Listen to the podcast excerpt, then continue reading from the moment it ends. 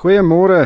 Ja, um, maar ons uh, gesels oor mediese fondse vandag en uh en dis natuurlik baie baie relevant want daar is tans 'n dramatiese toename in nuwe gevalle en dit gaan net groter druk op hospitale en mediese fondse plaas. En uh baie meer mense gaan in hospitale opgeneem word en hospitale en veral private hospitale is duur en dit kan ook 'n bykomende stres op mense wees indien daar nie sekerheid is oor wie die rekening gaan betaal nie. En uh, baie mense het ook hulle inkomste die afgelope paar maande uh, verloor of dit is verminder. En dit is dus belangrik om 'n bietjie gerusstelling te hê oor die finansies want uh, 'n opname in 'n privaat hospitaal vir COVID-19 kan tot R85000 kos. En as jy na 'n intensiewe saal toe moet skuif kan dit opskiet na omtrent 165 000 rand en as jy op 'n ventilator gaan praat ons hier van noord van 300 000 rand en ek gaan net nou met Dion Kotse hy is hoof van navorsing en ontwikkeling by Discovery Health daaroor gesels. Maar ek wil ook van luisteraars hoor, stuur vir my 'n SMS, die nommer is 45889, dit kos R1.50. Sê vir my, het jy al COVID-19 onderlede gehad of het jy dit? Is jy in 'n hospitaal opgeneem? Het die mediese fondsbetaling en en ook die interaksie met die fonds aan jou verwagtinge voldoen of stuur enige vrae wat jy het oor COVID-19 en mediese koste. Dion Kotse, hy's hoof van navorsing en ontwikkeling by Discovery Health. Dion, baie welkom by die program. Sjoe, dis duur. Uh hierdie COVID-19 opnames in die hospitaal. Uh verskil dit van ander opnames wat wat jy soms moet voorbetaal?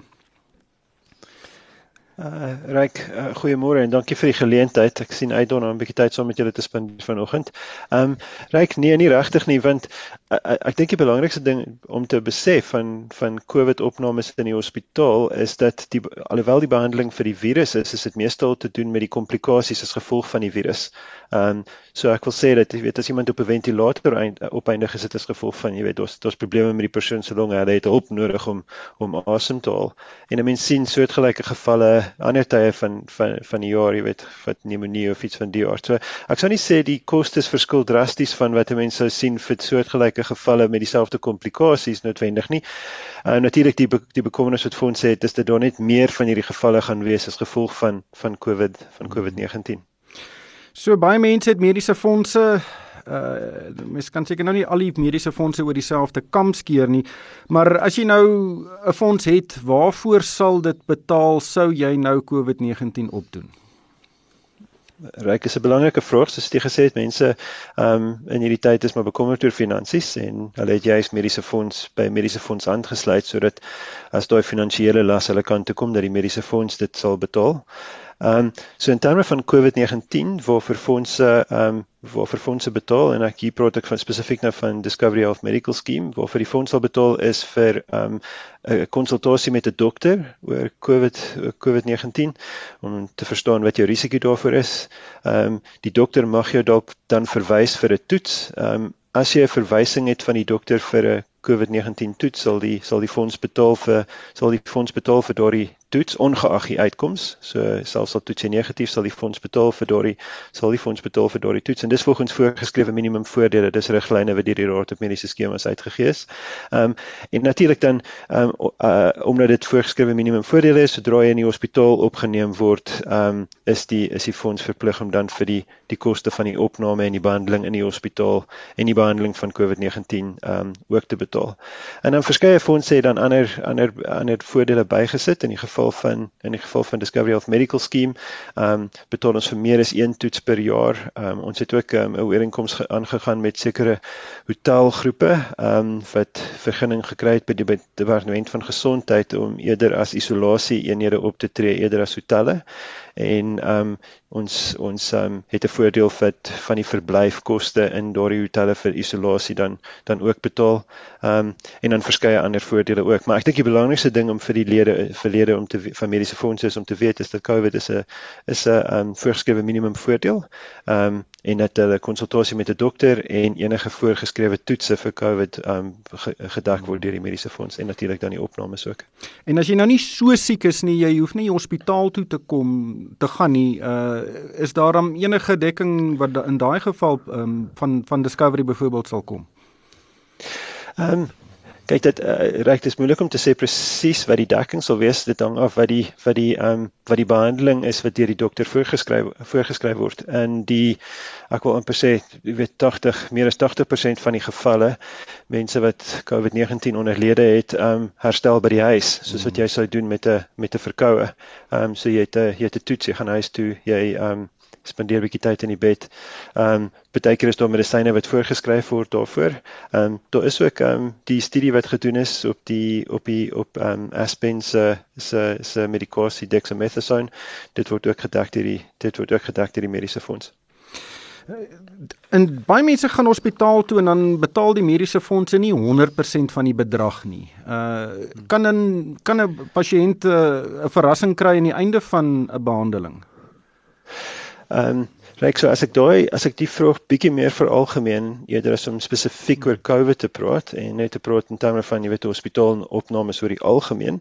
Ehm um, hang dit af wat die behandeling voor is. So as dit nie voorgeskrewe minimum voordele is nie, moet lede verstaan wat se voordele hulle het want mediese fondse mag dalk dan bybetalings het op die opname Ehm um, die dokter wat hulle sien se tariewe mag nie ten mag dalk nie ten volle gedek word deur die deur die deur die mediese fonds nie en sekere van die behandelings wat in die hospitaal gebruik word, weet argumente ontalwe proteses met 'n met 'n heupvervanging mag dalk nie ten volle mag dalk nie ten volle gedek word nie. So ek dink dit is, is net belangrik om te verstaan waarvoor die pasiënt opgeneem is. Ehm um, uh, by watter hospitaal hulle opgeneem is. Sekere lede kies netwerkplanne en um, hulle het voldekking dan as hulle na 'n hospitaal in die netwerk gaan, as hulle buite die netwerk gaan, is hulle is hulle nie ten volle gedek nie. Daar is 'n bybetaling daarop. En natuurlik die dokter wat hulle behandel het, soos ek sê, mag se tariewe mag ook nie ten volle gedek word deur die mediese fonds nie. So dis dis tipies sou ek sê die die drie redes waarom ehm um, lede nie ten volle gedek is wanneer hulle in die hospitaal is nie, is ehm um, 'n bybetaling op die hospitaal, ehm um, 'n tekort in terme van die dekking vir die dokter se tariewe en dan ook sekere ehm um, behandelings in die hospitaal wat nie ten volle deur die mediese fonds gedek word nie. Maar in die geval van voorgeskrewe minimum voordele moet ehm um, moet die opname ten volle gedek word en COVID ehm um, 19 is dan een van daardie. Hier's 'n luisteraar wat sê uh hy of sy, ek weet nie of dit 'n man of 'n vrou is nie, moes gaan vir 'n COVID toets uh om vooraf uh goedkeuring te kry om 'n operasie te ondergaan sodat dit dis nie asof ja. die persoon gediagnoseer is uh, of verwys is deur 'n dokter vir COVID-19 nie en die fonds het nie daarvoor betaal nie. Uh, is dit algemeen? Ehm um, so ehm um, dit uh, uh, die die die voordeel vir die toetse is afhanklik van 'n dokter se voorskrif. So wat ons op die oomblik vir pasiënte sê wat ehm um, wat in die hos, wat hospitaal toe gaan vir 'n uh, opname andersins as COVID-19 is dat die dokter wat hulle dan ehm um, opneem in die hospitaal ook vir hulle moet voorskryf om die om die COVID-19 toets te kry. Ehm um, want ons wil graag hê ehm um, lede van die mediese fonds moet 'n verwysing hê voordat hulle vir COVID-19 toetse gaan. As hulle nie die verwysing het nie, gaan die fonds nie betaal vir die vir die toetse nie. Nou ehm um, net om net om 'n bietjie konteks te gee vir vir daardie besluit, dis dieselfde riglyne wat die wat die Raad op Mediese Fondse gegee het, is om te sê dat mediese fondse moet vir toetse betaal waar waar die toets verwys is deur 'n dokter. En die rede hoekom hulle vereis dat daar 'n verwysing moet wees is net om ehm um, ehm um, te besef dat daar 'n tekort is van toetskapasiteit in Suid-Afrika en ons wil nie daai toetskapasiteit ehm um, oorlaai met onnodige toetse nie waar lede hulle net self besluit om te toets nie. Dat hulle eers deur 'n dokter verwys word vir daardie toets waar die waar die waar die pasiënt verwys word voor opname deur sy dokter of haar dokter vir ehm um, vir die toets sal die sal die fonds vir die toets betaal ongeag die ongeag die uitslag van die toets. So dit mag dalk in hierdie geval wees dat die dat die lid net nie 'n verwysing gehad het vir die hmm. vir die toets nie en daarom is die toets ehm um, nie die koste van die toets nie nie betaal nie. Ja, dit klink so. Wat kos so 'n toets? Ehm um, eintlik is dit R850 per toets. Ehm um, en dit is 'n uh, dit is 'n standaard tarief um, uh, uh, in die privaat laboratoriums. Uh, nog 'n luisteraar is ook 'n interessante vraag sê ehm um, uh, hy is positief getoets, ehm um, maar sy werk het toe vereis dat hy twee keer getoets word uh 14 dae later om seker te maak hy's nou gesond. Uh en ek neem aan dit gaan dieselfde beginsel wees die die werknemer of die werkgewer of die persoon die werknemer sal self daarvoor moet betaal. Ehm um, Ja, so uh, dit is um, so so die mediese fonds, uh, ek wil nou nie van alle mediese weer en ek kan nou nie vir algemeen vir alle mediese fondse nie, maar Discovery Health mediese fonds sal tot twee toetse per jaar betaal vir 'n lid op verwysing op verwysing van 'n dokter. Ehm um, ons het eintlik besluit vir dokters sal ons meer as dit betaal. So vir gesondheidswerkers betaal ons tot 4 toetse 'n jaar bloot net oor oor hulle oor hulle bloot oor hulle blootstelling. Ehm um, in die geval waar ehm um, werkgewers vereis dat 'n dat 'n dat 'n werk uh, werknemer vereis dat 'n uh, um, twee keer twee keer getoets moet word. Ehm um, twee keer getoets moet word, uh, sal die mediese fonds natuurlik nou betaal vir die eerste twee toetse en maar daarna sal sal die sal die voordeel dan uitge uitgeput wees. Ehm um, daar is egter ek weet nie of dit regtig nodig is vir lede om twee keer getoets te word voordat hulle terug gaan werk toe nie. Ehm um, in meeste gevalle ehm um, kan 'n dokter net sê of dit reg is of nie vir die pasiënt om terug te gaan werk toe. Hoe akkuraat is daai toets? Ehm um, die PCR toets is is baie akkuraat. So ehm um, ek dink die die die laboratoriums en wat ons sover sien het het geen het geen bekommernis oor die akkuraatheid van die toets nie. Ehm um, dis ook hoekom ons be, uh, die die Raad Mediese Fondse gemaklik was om met 'n voorgeskrewe minimum voordeel te was ehm um, te maak sodat ehm um, um, as gevolg van die akkuraatheid van die toetse. Sal hospitaalplanne en gaping dekking uh, COVID-19 opnames uh, ook dek? Definitief. Ja, aangesien dit 'n voorgeskrewe minimum voordeel is, selfs al is dit 'n hospitaalplan. Ehm um, onthou dat weet vir ehm um, kom ons vat iets iets anders ter as COVID-19 sê byvoorbeeld diabetes, selfs al is jy op 'n hospitaalplan wat geen dag tot dag dekking het nie. Ehm um, is daar nog het jy nog steeds voorgeskrewe minimum voordele vir jou um, vir die behandeling van diabetes aangesien dit um, deur die mediese fonds die raad op mediese fondse as 'n as 'n kondisie as 'n voorgeskrewe minimum voordeel kondisie gesien word. So selfs in in die gevalle waar jy 'n plan het wat sê 'n selfbetaling gaping het of ehm, 'n um, hospitaalplan wat geen dag tot dag dekking het nie, daai planne moet nog steeds COVID-19 dek volgens voorgeskrewe minimum voordele. Ja. Ehm um, julle paar SMS'e ehm um, gaan oor jou reg om in 'n hospitaal opgeneem te word as jy siek word. Hmm. Daar was 'n artikel die naweek in in die koerante wat gesê het as jy op 'n ander mediese fonds behoort, het, het jy nie noodwendig 'n gewaarborgde bed in 'n privaat hospitaal sou jy siek word nie. Wat is die situasie daaroor? Ehm um, Ryk so ek dink jy weet mense kan dit teoreties mense kan dit teoreties aanspreek of mense kan dit prakties aanspreek. Ek dink as ek dit dalk prakties aanspreek en uh, mense dalk oor die Weskaap en uh, spesifiek praat. Ehm um, ek kyk in die Weskaap glo ons dat hopelik dat die piek van die van die infeksie in die Weskaap is nou bereik. As ons weet as ons kyk na die dat die na die hoeveelheid nuwe gevalle in die Weskaap oor die laaste 7 dae, blyk dit aan die aan die um, aan die afloop aan die afloop te wees. Ehm um, so ons hoop dat die Weskaap deur die deur die piek dan is. En ten spyte daarvan was nog nie was dit nog nie nodig om een mediese fonds lid by 'n privaat hospitaal weg te wys um, omdat daar nie kapasiteit in die privaat in die privaat hospitaal was nie. Ehm um, so dis uit 'n praktiese oogpunt en ons hoop dat daardie ehm um, daardie ervaring ehm um, dieselfde sal wees in ander provinsies soos wat ander provinsies deur die deur die piek beweeg soos die soos die Wes-Kaap dan. Kyk as 'n mens nou daarna kyk teoreties gewys, ehm um, daar is daar is ehm um, ehm um, ooreenkomste tussen die private hospitaalgroepe en die publieke sektor en om kapasiteit te verskaf. Ehm um, daar is tariewe ooreengekom, daar is tariewe ooreengekom daarvoor. Ehm um, en die private die private hospitale sal natuurlik pasiënte op meriete ehm um, meriete opneem.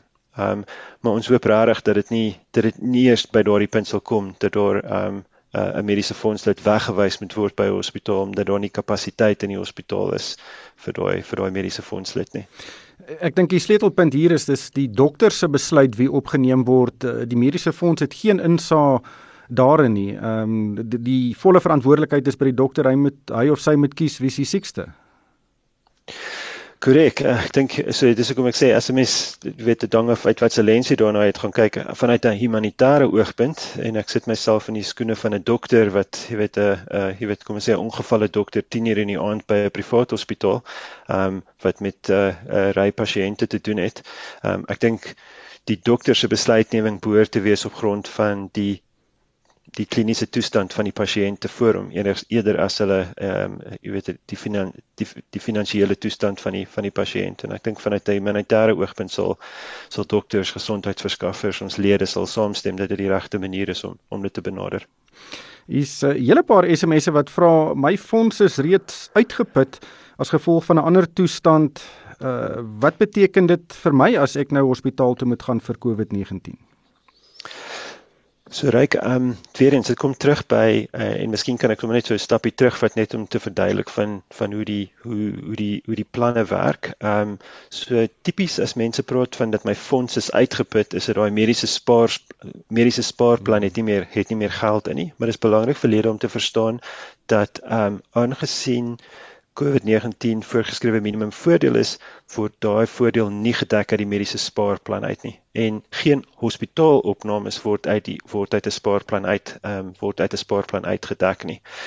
Ehm um, soortgelyk sê byvoorbeeld 'n lid het 'n hospitaalplan op die Discovery Health Mediese Fondse het ons nie sulke planne nie, maar ander mediese fondse het planne wat ehm um, 'n 'n jaarlikse beperking, 'n limiet het, 'n randlimiet het op hoeveel lede kan eis vir hospitaalopnames. Selfs in sulke gevalle, ehm um, geld daai geld daai limite nie ehm um, wanneer dit kom by voorgeskrewe minimum voordele nie. So selfs al sit 'n lid wat sê op 'n spaarderplan is 'n kustelike spaarder of klassieke spaarder en hulle hulle spaarplan is uitgeput vir die jaar dit dit ehm um, hulle dit beteken nie dat hulle nie voordele het vir COVID-19 nie. Hulle sal nog steeds gedek word daarvoor. Ja, dit dit word gedek deur die minimum voorgeskrewe voordele. So dit klink vir my as jy 'n mediese fonds sit, behoort jy en en jy's nou regtig siek, dan moet mens nou nie soveel stres oor oor die finansies nie. Die fondse sal ingevolge die minimum voordele uitbetaal.